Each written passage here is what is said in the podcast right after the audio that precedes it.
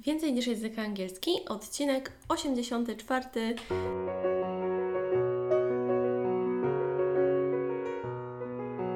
Witaj, nazywam się Ewa Ostarek i jestem trenerem języka angielskiego. Sprawiam, że język angielski to przyjemność. Słuchasz podcastu Więcej niż język angielski, który został stworzony dla kobiet takich jak ty, które chcą odkryć i pogłębić w sobie pasję do języka angielskiego. Dzisiaj w naszej serii podcastów gramatycznych, który sponsoruje mój kurs online Tajniki Gramatyki, także jeżeli to Cię interesuje, możesz wejść także na ewaostarek.pl lub na sklep.ewaostarek.pl i tam zobaczyć mój kurs Tajniki Gramatyki. Ale myślimy dzisiaj o tym, że to jest ostatni odcinek naszej serii podcastów gramatycznych i dzisiaj będzie strona bierna Passive Voice, czyli opowiem o tym, o co chodzi w stronie biernej, jaka jest ogólna forma i opowiem o formie czasu teraźniejszego i o formie czasu przeszłego. Oczywiście możemy też tworzyć passive w czasie present continuous. Tutaj jednak w tym materiale będę opowiadała o present simple i o past simple, bo to jest najczęściej występująca forma passive a ja chcę, żeby to wszystko było in a nutshell, czyli krótkie i konkretne.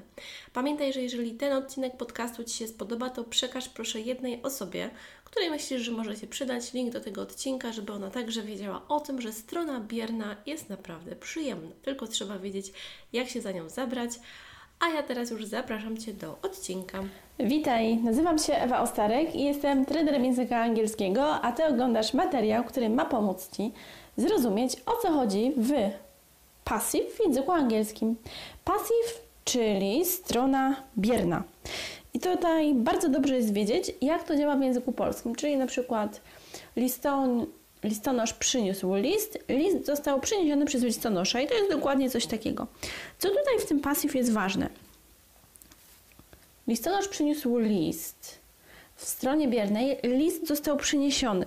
Czyli ważne jest, ważna jest czynność, a nie kto co zrobił. To jest przede wszystkim bardzo, bardzo istotne. Oraz to, żeby wiedzieć, jak to obrócić.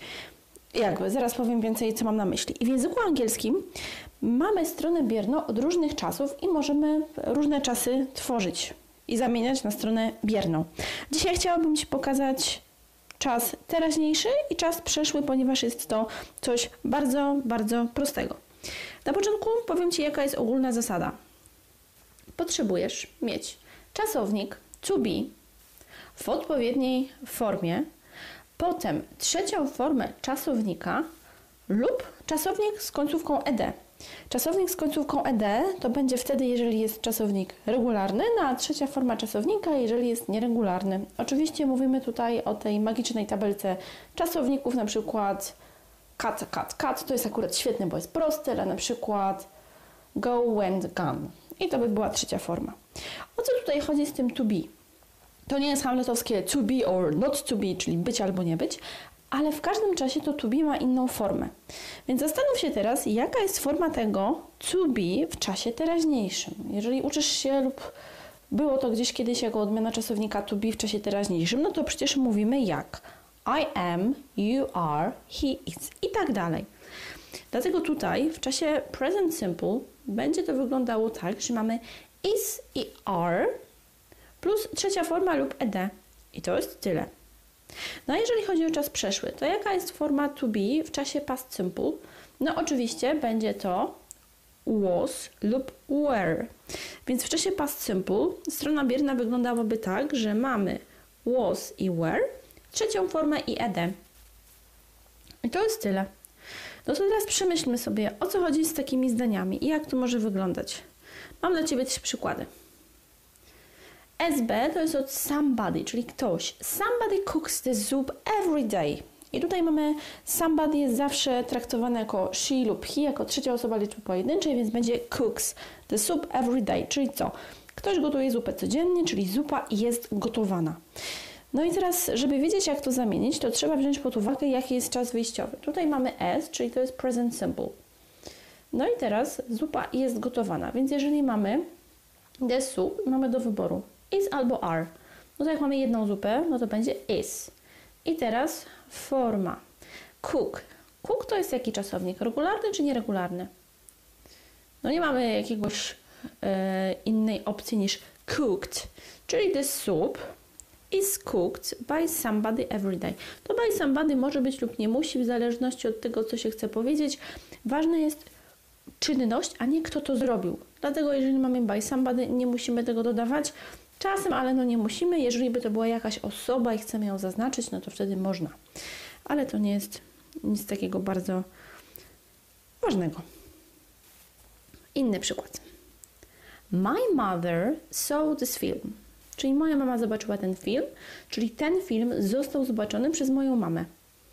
No i teraz został zobaczony. Tutaj mamy czasownik saw, czyli to jest druga forma czasownika see, czyli widzieć.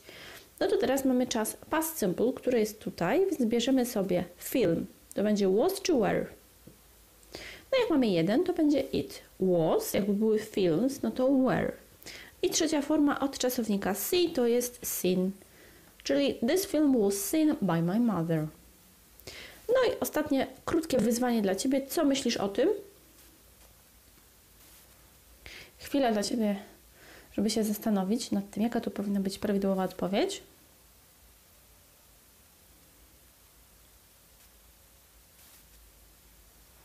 No myślę, że już teraz wiesz, że jeżeli to jest jaki czas rozpoznajemy.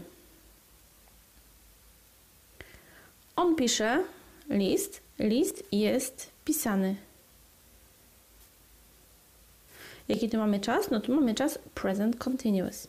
Więc żeby to zmienić na taki, o którym już tutaj mówiłam, to powinno być he writes a letter i powinno być wtedy w drugą stronę a letter is written by him. Czyli tutaj bardzo ważne jest to, żeby wiedzieć, że nie możemy tego tak zamienić. He's writing a letter, a letter is written by him, bo tutaj ten czas wyjściowy to to nie jest czas present simple.